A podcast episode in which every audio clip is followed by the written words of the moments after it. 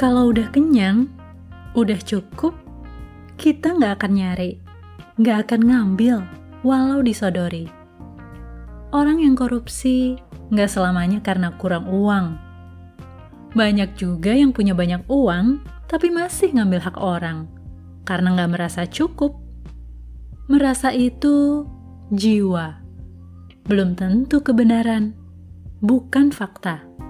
Orang yang tidak pernah bersyukur tidak pernah puas, inginnya meminta, menuntut, mengambil, bahkan dengan segala cara. Padahal, jika mau melihat yang di luar sana, banyak yang jauh menderita.